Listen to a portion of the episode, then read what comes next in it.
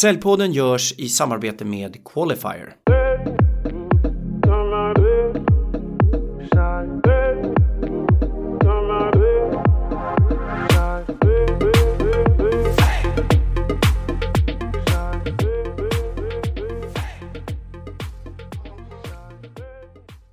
Hej och välkommen till Säljpodden, en podd för oss som gör affärer som ges ut i samarbete med Säljarnas Riksförbund.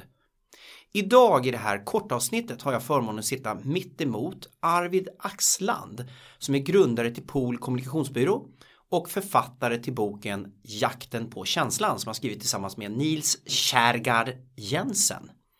Välkommen Arvid, hur är läget? Tack så mycket, kul att vara här. Jo men det är bra. Solen skiner och eh, ja, det är en härlig stämning här inne i ljudstudion. Ja, och i dessa coronatider ska vi självklart vara tydliga med att vi sitter på behörigt avstånd från varandra. Eh, jätteviktigt att ta det på allvar. Eh, men vi ska dyka ner faktiskt i det här kortavsnittet i lite säljminnen som du har Arvid. Är du redo för några frågor? Jag är redo. Skjut. Kan du inte berätta om ditt bästa säljminne? Ett väldigt bra säljminne är för några år sedan när vi eh, landade en av våra största kunder någonsin på Pool. Det är ett stort företag eh, med en rigorös upphandlingsprocess eh, med inköpsavdelning och så vidare. Och mitt minne från det första mötet vi har med kunden är när vi vi får känslan att nej men vi, vi lägger vår presentation åt sidan och så för vi bara ett samtal med, med kunden. Och vi fann i det här samtalet att vi, vi klickade och vi, vi tyckte samma saker och delade samma värderingar och så vidare. Och efteråt, det här var ju bara första steget i en lång rad eh, i den här kedjan så fick vi höra att nej, men det var då som kunden bestämde sig för att vi skulle jobba ihop. Och då var en härlig känsla att vi behöver inte ha det här formella presentationsformatet utan om vi samtalar och finner varandra i samtalet så, så räcker det hela vägen. Vad är det som gör att du tror att det blev så då? Vad är det som gör att den här känslan i samtalet är det vinnande konceptet i ditt fall? Vi och många andra eh, lever i en förtroendebransch. Det handlar om att bygga upp ett förtroende och få en känsla för människorna som vi ska jobba med. Eh, och då kanske rent av en eh, presentation eller en produkt kan komma i vägen för det förtroendet. Mm. Spännande, det här kommer vi prata om lite längre sen när vi spelar in det längre avsnitt som kommer om en vecka, du och jag. Har du något värsta säljminne? Funger fungerar du så så att du tänker så? Alltså jag fick eh, faktiskt den frågan på förhand och fick eh, tänka mycket för jag är en sån som jag lägger jag lägger mina misstag bakom mig och springer vidare. Rätt eller fel men jag har lite svårt att komma ihåg eh, mina misslyckanden. så funkar jag. Men en som verkligen har, har satt sig i minnet är när jag skulle sälja Pool, alltså vårt företag, ja. till en amerikansk nätverk. Eh, de hade köpt oss redan till 30% och vi var, man såg oss lite grann som en spjutspetsbyrå inom det här byrånätverket där vi, vi satt på de, den digitala förmågan här i tidigt 2000-tal. Eh, och fick missionera ute i, världen kring hur ska man lyckas på, på internet och så vidare. Så vi var ju lite grann hjältarna och det här, det här företaget börsnoterade, de var ju intresserade av att äga allt eller inget. Så att mm. nu skulle de komma och vi skulle ha ett samtal om, ska de köpa in resten då, få 100%. Eh, Eh, och Europachefen var på väg, eh, vi visste ju det, så vi hade förberett oss en vecka med att liksom sätta ihop så här, det här tror vi på, det här är vår filosofi, så här ska vi lyckas med, med vår affär eh, framåt. Hon var minst en halvtimme försenad till mötet, kom inspringande, så amerikanskt artig ändå och skakade hand och så vidare. Vi satte oss ner. Men redan efter tre, fyra minuter så sa någonting som det verkligen etsat sig fast i mitt, mitt minne. Could you skip that and get down to the figures please? Hon var inte alls intresserad av vår själ, vad vi hade åstadkommit, vad vi ville, våra värderingar eller någonting. Utan hon ville bara se sista raden, hur går det just nu? Så det var ett tydligt eh, tecken på att nej men vi ska inte göra affärer ihop. Så vi köpte istället tillbaka aktierna och eh, drev vårt företag vidare på egen hand.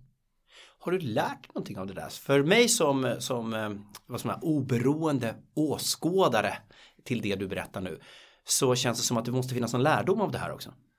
Ja men absolut. Eh, och det var ju lite det, vi kopplade eh, till det första exemplet där att det handlar om att man gör affärer människor emellan. Mm. Eh, vi har inte kommit längre än så i vår evolution utan det är fortfarande du och jag som ska mötas och ha en framtid tillsammans. Och då blir det väldigt viktigt hur vi klickar som, som individer och människor. Mm. Det här var ju överraskande, men, så att jag vet inte om du redan har svarat på nästa fråga, men jag ställer den. Det mest överraskande som har hänt på ett kundmöte? ja, um, vi, uh, vi har jobbat med Gröna Lund, nöjesparken i Stockholm här och uh, de skulle lansera sitt nya House of Nightmares. Mm. Du vet, skräckhuset, man, man går in i smala korridorer så hoppar det ut människor och skräms. Uh, och då ska vi presentera vår idé för hur det här skulle marknadsföras. Vi hade en väldigt spektakulär idé som byggde på att vi skulle sätta en människa i en förtäckt eh, annons på stan, en sån här stor tavla. Så när människor gick förbi så skulle man hoppa ut ur tavlan och skrämma skiten ur folk. Ja, Sen skulle, skulle här dokument, reaktionerna skulle dokumenteras. Ja.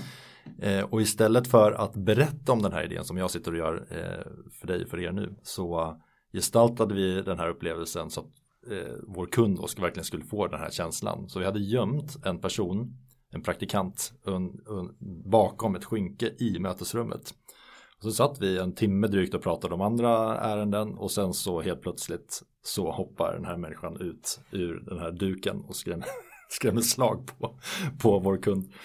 Eh, men kunden överlevde och köpte idén så det var, det var tydligen rätt då.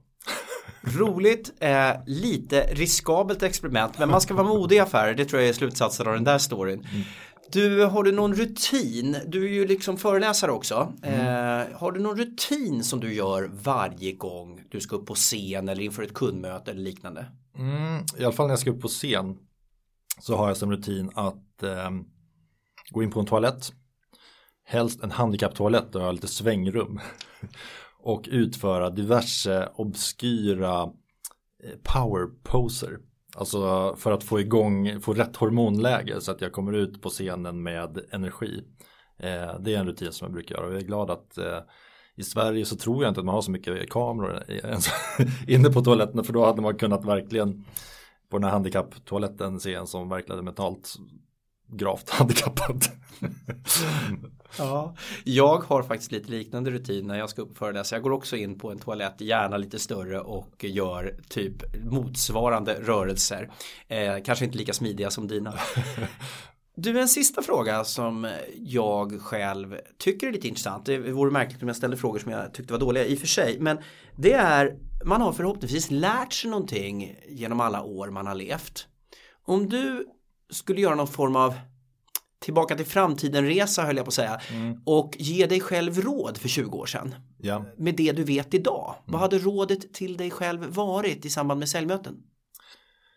Rådet eh, skulle nog vara att all fokus på kunden.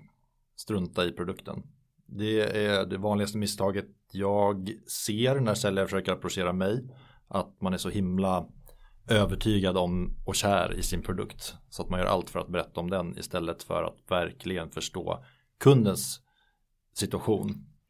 Eh, så det skulle jag vilja berätta för mig själv. Och den situationen kanske inte alls bara handlar om den här affären som vi ska göra. Utan det handlar om vad, framförallt i business to business, vad är den här människan på väg i sin karriär? Vad är det för värdering? Vad är viktigt för den här personen? Bortsett från den, den produkt eller det erbjudande som vi ska prata om just nu.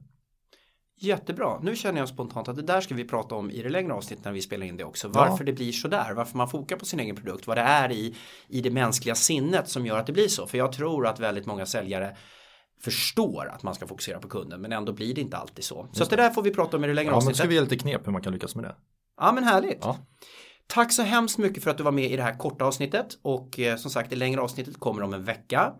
Ni har lyssnat till Säljpodden, en podd för oss som gör affärer som ges ut tillsammans med Säljarnas Riksförbund. Ha en riktigt bra vecka och ta hand om er.